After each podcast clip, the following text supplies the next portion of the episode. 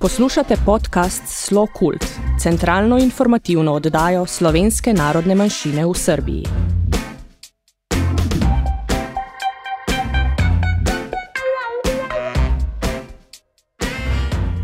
Dragi poslušalci, lepo pozdravljeni. Poslušate tretjo oddajo podcasta Slo Kult, ki je zamišljen kot centralna informativna oddaja. Slokult je namenjen članom slovenske skupnosti v Srbiji, slovencem po svetu in v Matici, kot tudi vsem zainteresiranim za slovensko kulturo in sodobno ustvarjalnost slovenske manjšine v Srbiji. V oddajah se ukvarjamo z aktualnimi temami v Srbiji in Sloveniji ter z napovedjo dogodkov z področja kulture in se pogovarjamo z relevantnimi osebami o temah, povezanih s slovenci v Srbiji, Matici in po svetu.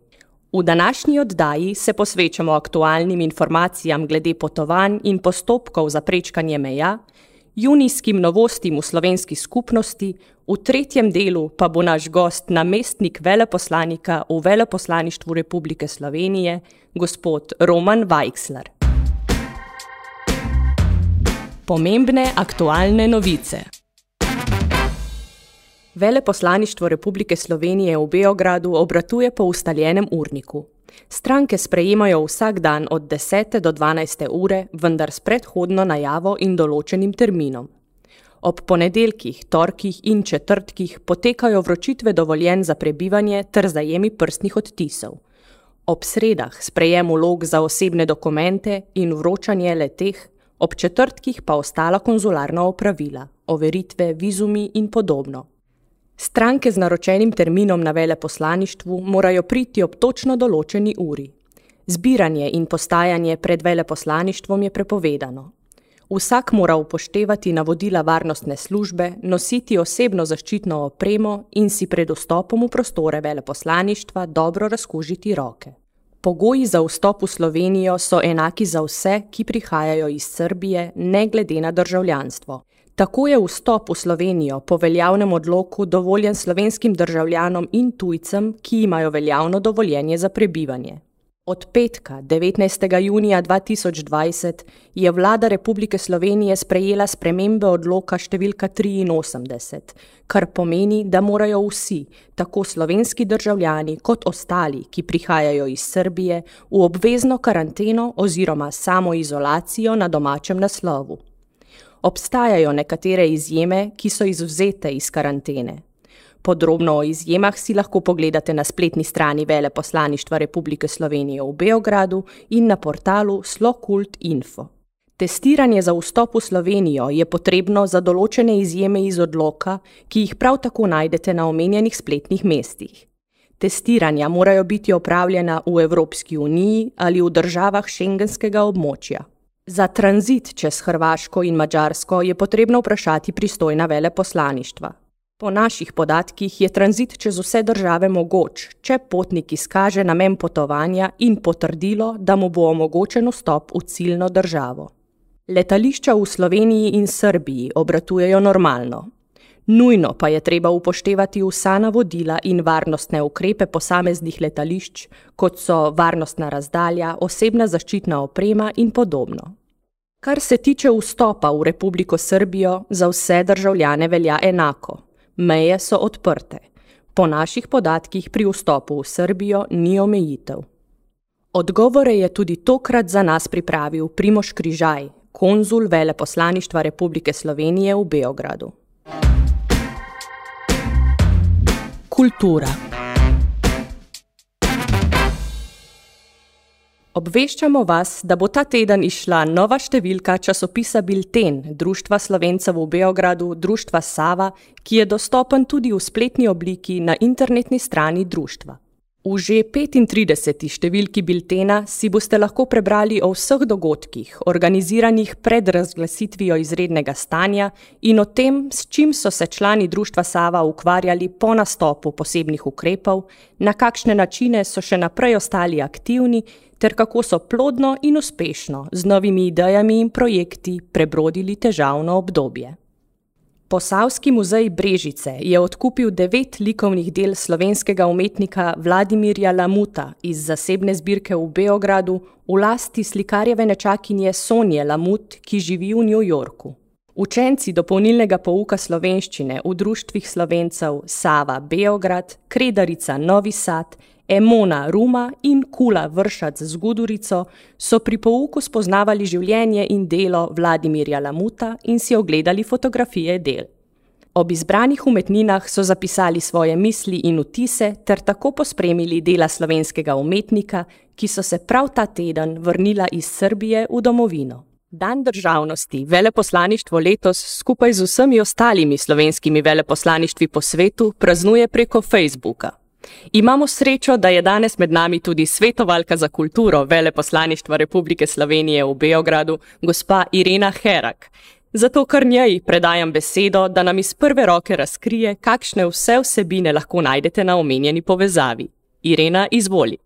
Hvala, draga Tanja. Ja, kot si že sama povedala, letos bo glavna komunikacija potekala virtualno preko Facebooka, ki začela se je že z 19.6. in bo trajala do jutri, do dneva državnosti. Tako da ste vsi vabljeni, da pogledate vse, vse video spot in promocije za nazaj. Predstavljamo pa slovenske umetnike zelo različnih področji kot je glasba, plesne in ljudkovne predstave. In pa jutri bo pač malo, ko, ko bomo obeležili 25.6. kot dan državnosti, bo pa mogoče eno majhno presenečenje, tako da ste vsi vabljeni, da si ogledate naše prispevke, v katerih pa sodelujo naši priznani umetniki, kot je Koja, plesna, plesna skupina Enknap, Trkaj in pa skupina Silence. V vsaki predstavitvi videospota je tudi kratek opis od umetnika in kaj je vsebina videospota, tako da boste imeli eno fino razlago, ne samo en videozapis in ste vsi več kot dobrodošli, da si vse ogledate. In pa seveda tudi z moje strani čestitke vsem slovencem po svetu in v Srbiji. E, želim vam en lep, sproščen uh, dan državnosti in da, da ga preživite z ljudmi, ki jih imate radi. Intervju. Danes je z nami Roman Weichsler, namestnik veleposlanika Republike Slovenije v Srbiji, bivši ekonomski svetovalec na Češkem in Slovaškem ter kulturni ataše slovenskega veleposlaništva na Hrvaškem, uspešen diplomat, kozmopolit, na prvi pogled pa, če smem tako sproščeno, energičen mož značilne višine in prepoznavnega širokega nasmeha. Roman, pozdravljen. Ja, dober dan, živijo. Veseli me, da si danes z nami. In naj te kar takoj vprašam, kako prenašaš tole tropsko podnebje, ki nas je letos zajelo tukaj v Beogradu? Ja, eh, hvala najprej za vabilo. Bi pozdravil vse poslušalce podcasta. Eh, zelo sem vesel, moram eh, reči to vodoma, da, se, da ste začeli s predvajanjem teh oddaj. Mislim, da bo to obogatil že tako bogato kulturno udejstvovanje slovencev tukaj v Srbiji in v Beogradu. Ja, ja, vreme je pa res zanimivo. Eh, vsak dan pade dež. Jaz to vem potem, ker sem se v zadnjih dveh tednih samo enkrat v službo pripeljal s kolesom. Uh, in sem ga tam tudi pustil, ker popoldne nisem mogel nazaj. Uh, in uh, zdaj računam, da se bojo vremena v naslednjih dneh tukaj izjasnila. Uh, mal sem računal tudi s kakšnim dopustom, tako da uh, mislim, da ne bo vplival toliko na, na razpoloženje. Je pa letošnje leto nasploh čudno, tako da mislim, da vreme tudi paše v to nekako. Res je ko si ravno omenil kolo, to je nek tak prepoznavni atribut za te v Beogradu. Se mi zdi, sem te mislil vprašati kasneje, pa naj zdaj izkoristim priložnost. Zelo pogosto te je mogoče srečati, kako drviš s kolesom. Kako se znajdeš v tem našem, tako rekoč, divjem prometu? Ja, zanimivo. Jaz sem imel tudi na začetku malo strahu, ampak eh, ker sem kolesaril tudi v Pragi in se tam nisem dal, eh, pa so zahteve, tudi, mislim, razmere tudi zelo zahtevne. Eh, moram priznati, da na koncu, ko začneš kolesariti v Beogradu, stvar ni tako zakomplicirana, ker si najdeš par poti, ki jih uporabljaš in so relativno varne. Uh, tudi se lahko uporabi kakšen pločnik, za razliko v Ljubljani, kjer bi te eh, najprej ljudje grdo gledali, potem bi te verjetno še kakšen policaj ustavil in oglobu. Tukaj pa je to, če je pločnik dovolj širok, nekaj normalnega, ker se enostavno po cesti ne da voziti. Tako da, če se kombinira to z, z parki, malo po cesti, malo breki, je, je, je to zelo fajn, se, se kar da. Sploh pa, če greš dovolj hitro, tudi grdih pogledov, ne opaziš, kaj ne. Ja, pa predvsem se nasmihaš ljudem, ki v svojih jeklenih koničkih eh, eh, nepotrpežljivo eh, gledajo, kdaj se bodo ceste spraznile, trobijo. V bistvu ti to povzroča še neko dodatno veselje in se še v bistvu še rajši voziš s kolesom. Pa moram priznati, da nisem edini, ki se nam posadi vozi s kolesom v službo. Zdrav duh, zdravem telesu, lepo. Roman, se še spomniš tvojega prvega prihoda v Srbijo nekaj kratkih let nazaj? Predvidevam, da to ni bil tvoj čisto prvi stik s to deželo, morda pa tudi.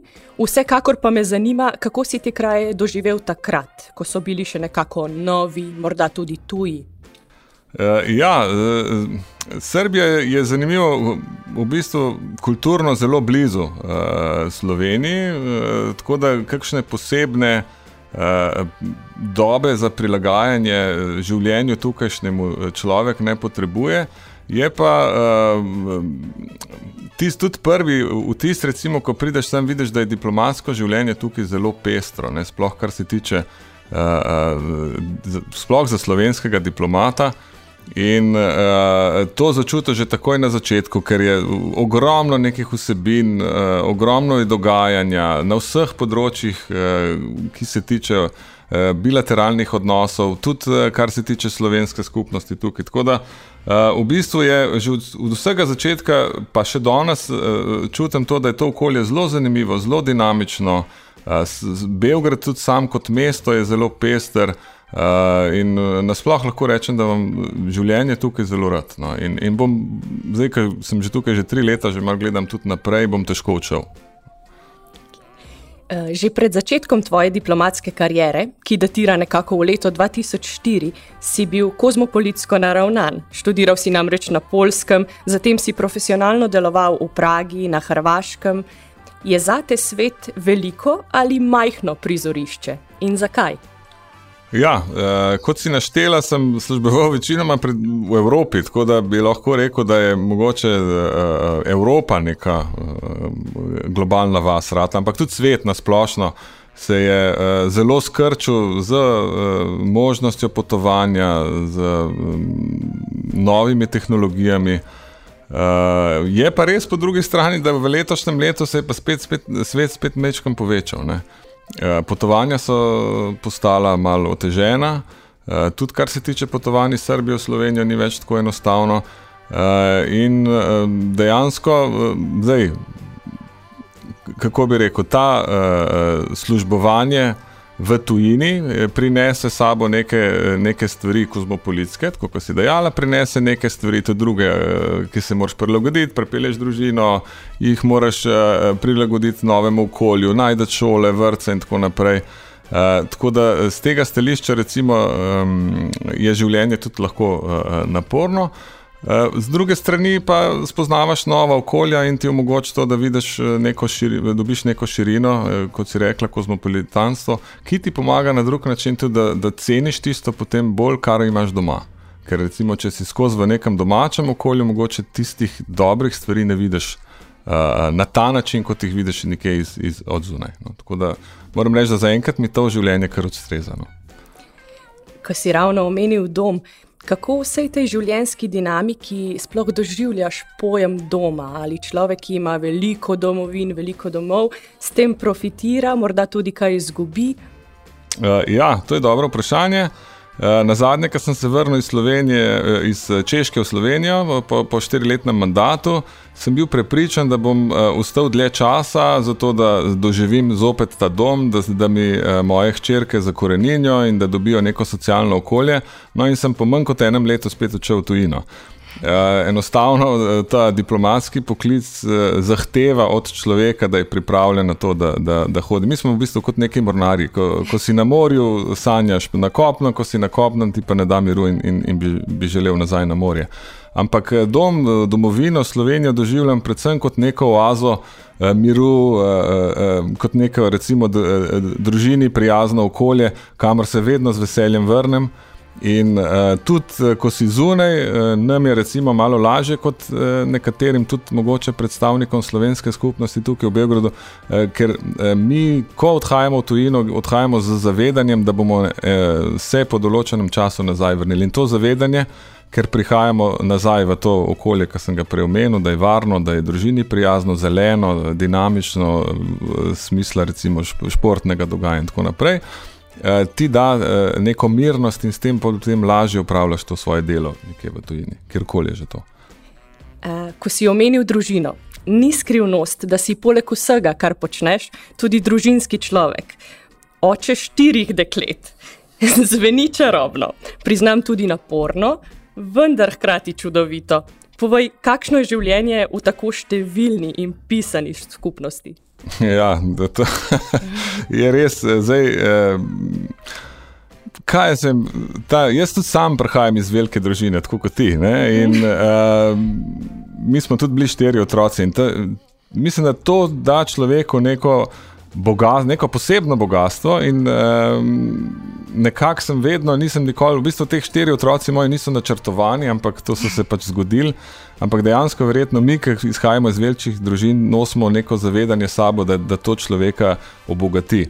Eh, hkrati je to jasno zelo naporno za starše. Ne? Uh, jaz se mogoče tega, kar sem sam odraščal, nisem dovolj zavedal, ne zdaj se. Um, je pa res po drugi strani, da, da, da se vsa ta energija in to, kar se vlaga v družino, se potem uh, vrača. Um, poten, se pravi, ti v bistvu potenciraš to, uh, potencirano dobiš nazaj. Ne? Neko dodano vrednost se ustvari. In, in uh, ne spomnim se, da bi mi bilo kdaj žal, da imam to kot otrok. Nasprotno, vedno sem, sem zelo ponosen na to. Se pa res, po drugi strani, ne spomnim, da mi je bilo na zadnje dolg čas, ker eh, ko pridem eh, iz kakšnih službenih obveznosti v domače okolje, je včasih tam še bolj pestro, kot je bilo v delovnem okolju. Da, Uh, ampak uh, vse v dobrem, vse v dobrem. Verjamem. In ravno tako kot nekdo iz velike družine z večinskim deležem ženskega prebivalstva, te pač upam vprašati, kako prideš na vrsto za kopalnico. Ja, eh, zdaj na srečo tukaj imamo zelo dosta kopalnic, ker mislim, da so, da, uporabljamo dve. In uh, te starejši hčerki, ki sta najbolj problematični, kar se tega tiče, imata svojo kopalnico. Tako da v bistvu se bije bitka med njima dvema. Ja, mi ostali smo pa še kar znajdemo, ker te mlajše hčerke so še tako vodljive.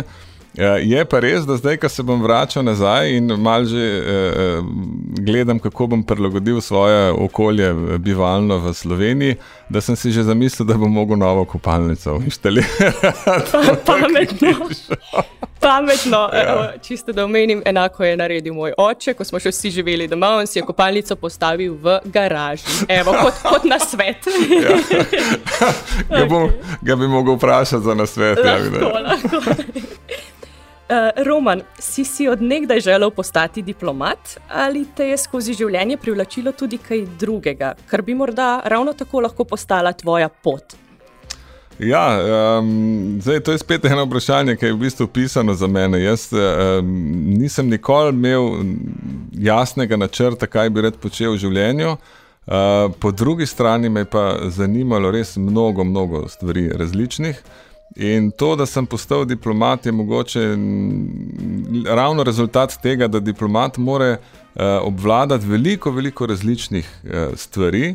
In uh, potem ta seštevek, če te stvari uh, recimo obvladaš v neki pravi smeri, da uh, enega dobrega diplomata, zdaj sem to malo neskromno povedal, ampak uh, dejansko je pač tako, da um, ta želja, da bi postal diplomat, se je, postav, uh, se je pojavila šele potem na fakulteti. Uh, Uh, predtem sem recimo razmišljal, bi šel, da bi šel študirati uh, matematiko, ampak me je moja pokojna mama uh, takrat prepričala, da uh, matematika je brez veze, da potem bom lahko sam poučeval in da seveda, ne, ko je videla, kakšen sem bil jaz dijak, da potem te v bistvu dijaki samo zafrkavajo, ko si ti profesor in sem se nekako odločil potem, da mogoče to ni zdaj ta prava pot. Ampak Ja, z matematiko sem ostal v stiku, glede na število mojih eh, eh, otrok, ki jih zdaj inštruiram, veselo. Tako da eh, nekako mi ni žal zdaj to, da nisem šel na matematiko. Eh, ko ne nosiš kravate, v kaj se najraje preleviš? V čem posebej uživaš, kaj te sprošča, morda kakšni specifični hobiji ali pa pač samo radostno preživljanje prostega časa? Ja, uh, zdaj ne bom našteval vseh hobijev, da jih ne bo preveč, ampak uh, dejansko, um, kot sem že prej povedal, v življenju me je zanimalo veliko stvari in to se po, potem pozna še dan danes. Uh, recimo, če pride do tega, da mi res ostane čas po vseh službenih obveznostih in družinskih obveznostih, potem se najraje ukvarjam s športom, zdaj potem recimo to skušam združiti s tem, da se prepeljem s kolesom na, na v službo da mogoče igram tenis z nekom, ki mi je tudi uh, poslovno zanimiv, pa se potem tam kaj dogovarjamo. Uh, rad imam tudi glasbo, zelo rad upam, da bo uh, naš tehnik uspel v, v podlagi tudi kakšno glasbeno podlago, da uh, temu najnemu pogovoru. Uh, Evo, kima, tam le iz zadja, naš dino. Uh, ja, v letošnjem letu sem si kupil novo kitaro in to mi je sploh uh, res. Uh, Mi obogati preživljanje tega prostega časa, kot ga pač imam. Tako da eh, rad tudi recimo hodim v hribe, vedno, ko pridem v Slovenijo, to je prva stvar, da splezam na en hrib, je to Šmarna gora ali, ali Grmada ali pač nekam. Eh, v naravo, ki mi v bistvu eh, tukaj mogoče malo eh, manjka. No, pa ne jamram, da, da, da bi mogel zdaj v Beogradu nekaj zgraditi, neki hrib, ampak eh, po drugi strani je pa fajn, ko prideš domov, da si lahko to prvoščeš. Seveda. Glede na vse povedano, moram vprašati, koliko ur šteje tvoj dan? Ja, Zaenkrat še 24, ampak se pa. Jaz mislim, da to si, eh, eh, doskrat si, ne, ko, ko sem bral še Alan Ford, da tam so bili taki hecni napisi na, na, na grobovih, zdaj verjetno si poslušalci niso tega brali, ampak eh, na, na mojem grobu verjetno bo pisal, da človek, ki je, ki je hotel imeti eh, vse, pa mu to ni uspelo. Počakaj, življenje je morda ja. še dolgo. Um, kako Roman ti gledaš na slovensko-srpske medkulturne odnose? Sodelovanje vsekakor obstaja. Je še mesta za kakšne razširitve, poglobitve? Ja, seveda.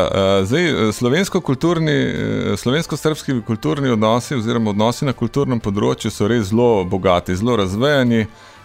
En razlog je jezikovna bližina, drug razlog so neki zgodovinski elementi, tretji razlog je, da Eh, veliko ljudi, ki so dejavni na kulturnem področju, tako v Sloveniji kot v Srbiji, so že neposredno povezani med seboj in iz tega ratajo čudoviti projekti. Uh, tako da res je zelo težko nam je kot ambasadi uh, temu slediti, kaj šele, da bi mi temu dajali neko noto. In ravno iz tega razloga, ker smo videli, da je prostor na tem področju obstaja, ki bi ga lahko eh, zapolnili in recimo dvignili te naše uh, odnose, oziroma sploh to institucionalno spremljanje teh odnosov na višji nivo, smo, nam je v letošnjem letu uspelo, da smo eh, zaposlili dodatno osebo na ambasadi in to kulturno svetovalko ki, je, uh, ki bo v bistvu uh, zdaj postavila, zdaj se vidi že po parih mesecih njenega delovanja, da smo, bili, da smo imeli uh, prav in da v bistvu lahko na tem področju z nekim minimalnim, uh, ali pa minimalnim, ne bom rekel minimalnim, ampak z nekim zelo racionalnim. Dodatnim pristopom naredimo res zelo veliko, in se, se rojevajo zdaj nove ideje, novi projekti. Nažalost, nas je ta situacija s korono pri tem malo uh, zabremzala. Uh, oziroma zavrla, če sem zdaj eh, izrazil pravilno po slovensko. Ampak uh, projektov bo veliko in uh, mislim, da, bom, da smo s tem potegnili eno pravo potezo. No. Ta teden Slovenci praznujemo Dan državnosti. Bi ob tej priložnosti našim rojakom v Matici in po svetu morda želel posvetiti kakšno misel, željo, na svet? Ja, zdaj, eh, ne vem, če sem jaz prava oseba, da razsvetlim vse poslušalce eh, na ta način. Eh, mogoče, ker smo ravno v tem času COVID-a oziroma korone, ki kar noče odideti na ta način, ki bi si mi želeli. Da dan državnosti simbolizira, je, ima za slovence en poseben pomen. Ne? Takrat smo mi v bistvu eden redkih trenutkov v naši zgodovini, da smo res stopili skupaj in smo uh, gledali enotno na neke stvari, in to nam je potem pomagalo, da smo ustvarili ta stoletni sen naših uh, prednikov in, in dobili svojo državo. Uh, jaz upam, da bomo prizadevali si, da z njo ravnamo res odgovorno in upam, da bo tako tudi v prihodnosti.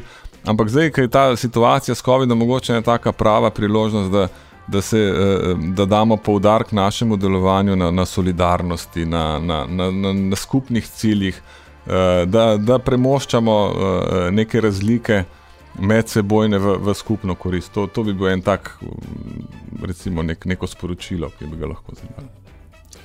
Roman, hvala ti. Krasno te je bilo imeti za sogovornika. Uh, za konec pa ti želim prelepo, sproščeno, predvsem pa zdravo poletje in se veselim vseh naših nadaljnih sodelovanj. Ja, hvala tebi, tudi meni je bil ta pogovor zelo prijeten in uh, želim ti enako. Upam, da bova oba uspela preživeti poletje ali pa vsaj delček poletja tudi v Sloveniji. Tako, hvala lepa. Ja, hvala. Poslušate podcast Slo Kult. Ob dnevu državnosti vsem slovencem v domovini in po svetu iskreno čestitamo in želimo, da iz svojih korenin črpajo navdih in pokončnost, ki naj se razraščata v razkošne krošnje veselja, samozavesti in odprtosti za svet med nami in okoli nas. S tem zaključujemo današnjo oddajo. Naš podcast lahko spremljate na vseh relevantnih platformah in na spletni strani www.slokult.info. Z vami sem bila Tanja Tomazin, tehnična izvedba Dino Dolničar. Redakcijo podcasta Slokult predstavljamo Saša Verbič, Ivana Mandič, Tanja Tomazin in Dino Dolničar. Hvala, da ste bili z nami. Ostanite zdravi in k malu nasvidenje.